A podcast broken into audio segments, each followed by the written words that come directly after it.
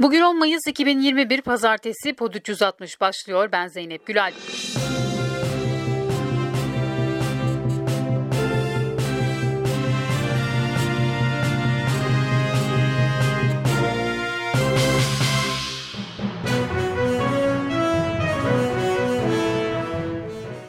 Türkiye'nin en önemli sorunu işsizlik. Türkiye İstatistik Kurumu'nun verilerine göre 15 ve daha yukarı yaştaki kişilerde işsiz sayısı Mart ayında bir önceki aya göre 59 bin kişi arttı. Kayıtlı işsiz sayısı 4 milyon 236 bin kişi oldu. Gerçek işsiz sayısı ise %25,8 seviyesinde. CHP sözcüsü Faik Öztrak rakamları değerlendirdi. Mayıs ayında ekonomide yeniden kapanmanın istihdam üzerindeki yansımalarını göreceğimizi de unutmayalım. Yani işsizlik önümüzdeki günlerde de bu ekonominin en yakıcı sorunu olmaya devam edecek. Sağlık Bakanı Fahrettin Koca illere göre haftalık vaka sayısının yer aldığı haritayı paylaştı. Buna göre vaka sayısı her 100 bin kişide İstanbul'da 359,99, Ankara'da 247,68, İzmir'de ise 161,92 oldu. İstanbul'da geçen haftaya göre %32,3 düşüş görüldü. En yüksek vaka sayısı olan 3 il ise İstanbul, Kastamonu ve Tekirdağ olarak sıralandı.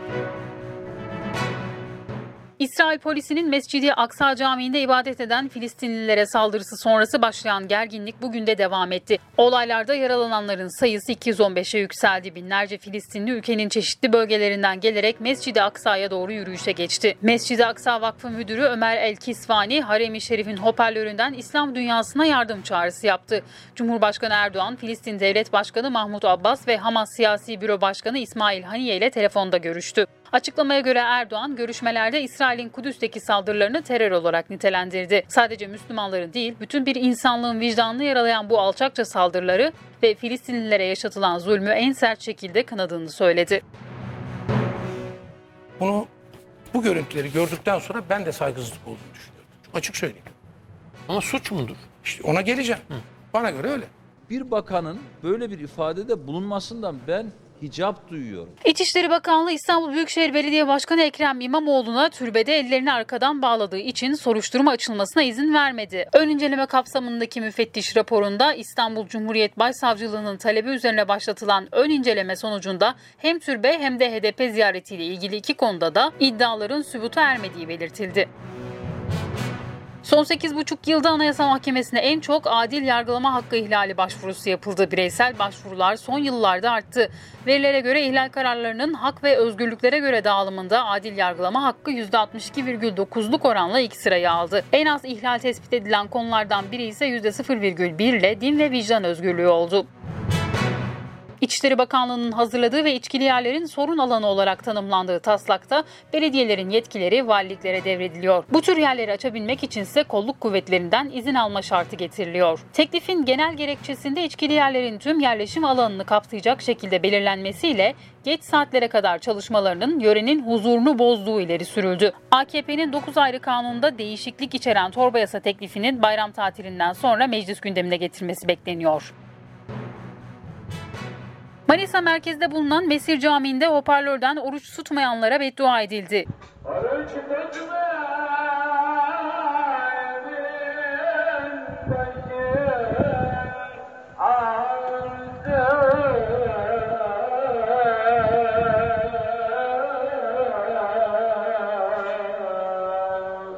25 ve 26. dönem CHP Manisa Milletvekili Tur Yıldız Biçer olayı Twitter hesabından duyurdu. Biçer, yurttaşlarımızın ilettiği şikayeti Manisa müftümüzle paylaştım. Kendisi konuya dair inceleme ve soruşturma başlatılacağını söyledi. Sonucu yine buradan paylaşacağım dedi.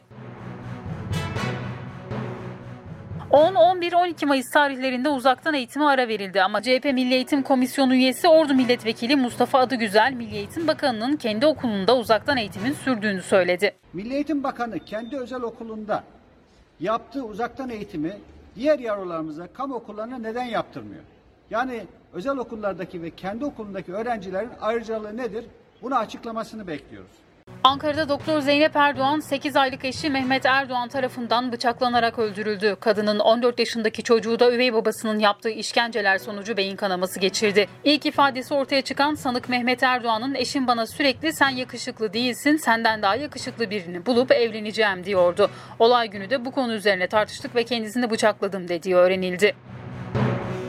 Gazeteci Yeldana Kaharman Elazığ'da ölü bulunmuştu. Olayda AKP Elazığ Milletvekili Tolga Ağar'ın da adı geçmiş ama Ağar iddiaları reddetmişti. Şüpheli bir şekilde yaşamını yitiren Yeldana Kaharman'ın otopsi raporlarını ortaya çıkaran gazeteci Baransel Ağaca hakkında soruşturma kararı verildi. Baransel Ağaca muhtemelen yine eski bir tweet'i suç unsuru yaptıkları fakat aslında gazetecilik faaliyetini cezalandırdıkları bir soruşturma dedi. Ulaştırma ve Altyapı Bakanı Adil Kara İsmailoğlu'nun doğa nöbeti tutan İkizderelileri ziyareti öncesi Cengiz İnşaat kestiği ağaçları kamyonlarla bölgeden uzaklaştırdı. Amerika'nın Colorado eyaletinde bir doğum günü partisinde silahlı saldırı düzenlendi. Doğum günü partisini basan saldırgan 6 kişiyi öldürüp intihar etti. Hindistan'da yaşanan rekor vaka ve can kaybı sayısının ardından doğu komşusu Nepal'de de vaka sayılarında büyük artış yaşanıyor. Ülkede pandeminin başından bu yana görülen vaka sayısının yaklaşık dörtte biri son bir ay içerisinde kaydedildi. Son bir ayda Nepal'de vaka sayısı 57 kat arttı. Tam kapanma sürecinde Giresun'a gitmek isteyen bir sağlık çalışanı seyahat izni alamadı. Kaymakamlık çıkışında kendisine seyahat belgesi bulacağını söyleyen bir dolandırıcıya 400 lirasını kaptırdı. Kağıthane İlçe Emniyet Müdürlüğü ekipleri dolandırıcıyı yakaladı. Şüpheli tutuklandı. Bu haberle Pod 360'ın sonuna geldik. Yarın tekrar aynı saatte görüşmek dileğiyle. Hoşçakalın.